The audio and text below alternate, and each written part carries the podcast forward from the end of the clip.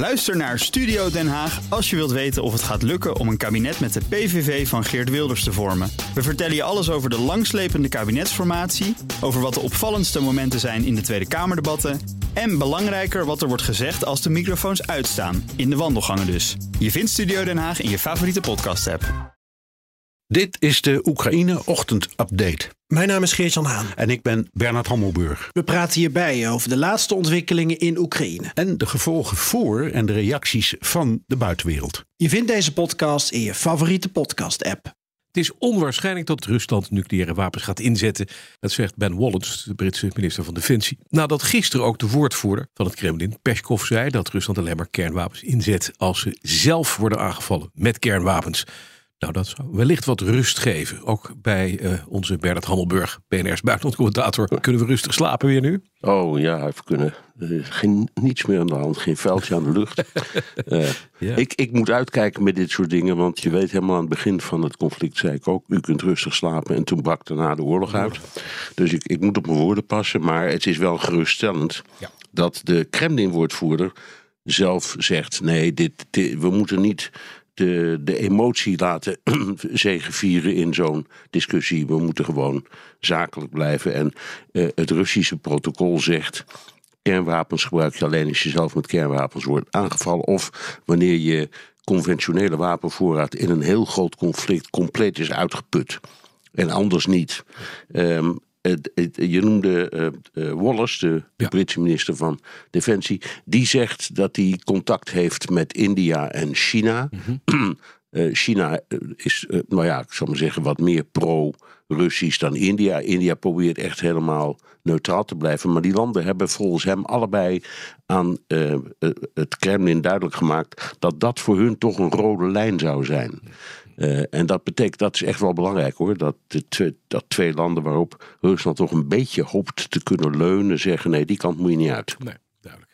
Nog, nog eventjes naar het Kremlin, wat ook niet precies lijkt te weten waar de nieuwe grenzen van die geannexeerde gebieden liggen. Hoe kan dat nou? Is dat, is ja. dat strategie of is dat een, een kwestie van hele slechte organisatie? Of houden ze dat gewoon even een slag om de arm? Want ja, ze hebben nog tegenstand van de Oekraïners. Nee, ja, ze zeggen dat, dat ze dat in overleg met de plaatselijke bevolking willen ja, samenstellen. Ja. Wat iets heel raars is. In de eerste plaats, voor een deel lopen die grenzen buiten een gebied dat ze al hebben veroverd. Hè? Dus dat maakt het nog ingewikkelder. Um, het heeft verschillende kanten. In de eerste plaats uh, de, de, de, de, successen die uh, Oekraïne boekt door gaten te slaan eigenlijk in alle vier de gebieden die door Rusland zouden worden geannexeerd. Um, ja, daarvan kunnen de Russen uh, uiteindelijk zeggen, als ze die grenzen ietsje dichter bij Rusland leggen, er is helemaal niks gebeurd, want het heeft zich niet op ons grondgebied afgespeeld, maar gewoon op Oekraïns grondgebied. Hè? Mm -hmm. Dus dat, dat zou tactisch een reden kunnen zijn. Ja. Um, het kan ook zijn dat ze het echt niet weten. Uh, maar dat is dan wel heel idioot zeg, want uh, de, ze hebben cartografen en ze hebben uh, strategen en ze hebben verkenners en ga zo maar door. Mm -hmm. um, maar het, het, het heeft nog een kant. Formeel is die annexatie nog niet een feit. Aha. Want hij moet daar nog door, wat, wat ik maar zeggen, de Eerste Kamer. Mm -hmm. En gesteld nu dat morgen uh, Frankrijk of Duitsland of Amerika een resolutie indient bij de Veiligheidsraad om te zeggen die annexatie is illegaal, dan zouden de Russen kunnen zeggen uh, annexatie die is er helemaal nog niet. Daar zijn we nog over aan het nadenken. Dus het kan ook dat ze dit een tijdje lang voortzetten ja. in de hoop dat de andere kant, dus de westerse wereld, ze niet formeel daarover kan aanspreken. Juist. Ja, want dan inderdaad, dan is het juridisch een. een, een dan is juridisch is het nog niet. Kunnen, nee, ze precies. zouden kunnen zeggen, Russen zouden kunnen zeggen, geannexeerde gebieden. Ja, Welke geannexeerde ja, gebieden? We hebben een voornemen en verder niks. Ja, we hebben een voor precies. Dus dat, dat blijft dan nog een beetje zweven. Zou niet onhandig zijn. Nee, precies. Als we even kijken naar de ontwikkeling op de grond. Hè, want we horen ook dat het Oekraïnse leger boekt weer verdere successen. In het afsluiten van allerlei uh, uh, uh, aanvoerlijnen van de, van de Russen.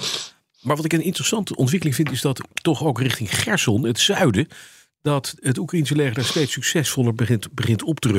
Ja. Het, het, het, zou kunnen zijn dat het eerder in 2014 veroverde gebied, de Krim door de Russen, dat dat straks gewoon weer geïsoleerd wordt. Eh, eh, net als het vroeger was, toen Ja. het een stukje eh, gejat Oekraïne was. Ja, dat zou heel goed kunnen. Ehm, en wat dat betreft verbazen de Oekraïners ons weer door hun enorme slagkracht en hun uitstekende strategie. Je kunt het niet anders zeggen. Ik geloof dat eergisteren nog niemand had verwacht dat dit mogelijk was.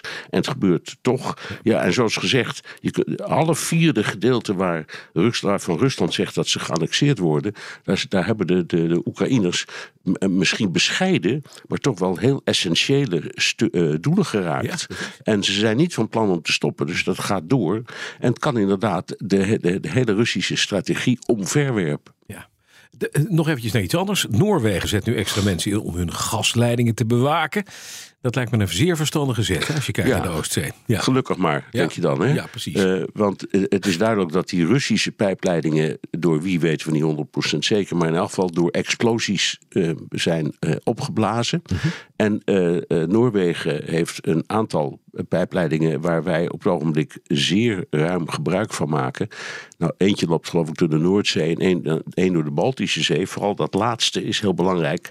Want je moet natuurlijk zorgen dat dat- ja, dat, dat ge- gedeelte op zee dat dat goed bewaakt is. Maar ook de installatie zelf.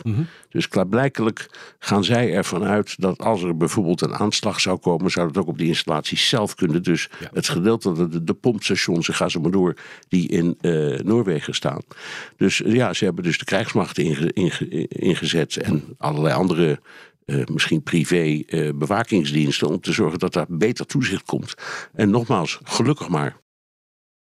Ook Bas van Werven vind je in de BNR-app. Ja, je kunt live naar mij en Iwan luisteren tijdens de ochtendspits. Je krijgt een melding van Breaking News. En niet alleen onze podcast Ochtendnieuws, maar alle BNR-podcasts vind je in de app. Download nu de gratis BNR-app en blijf scherp.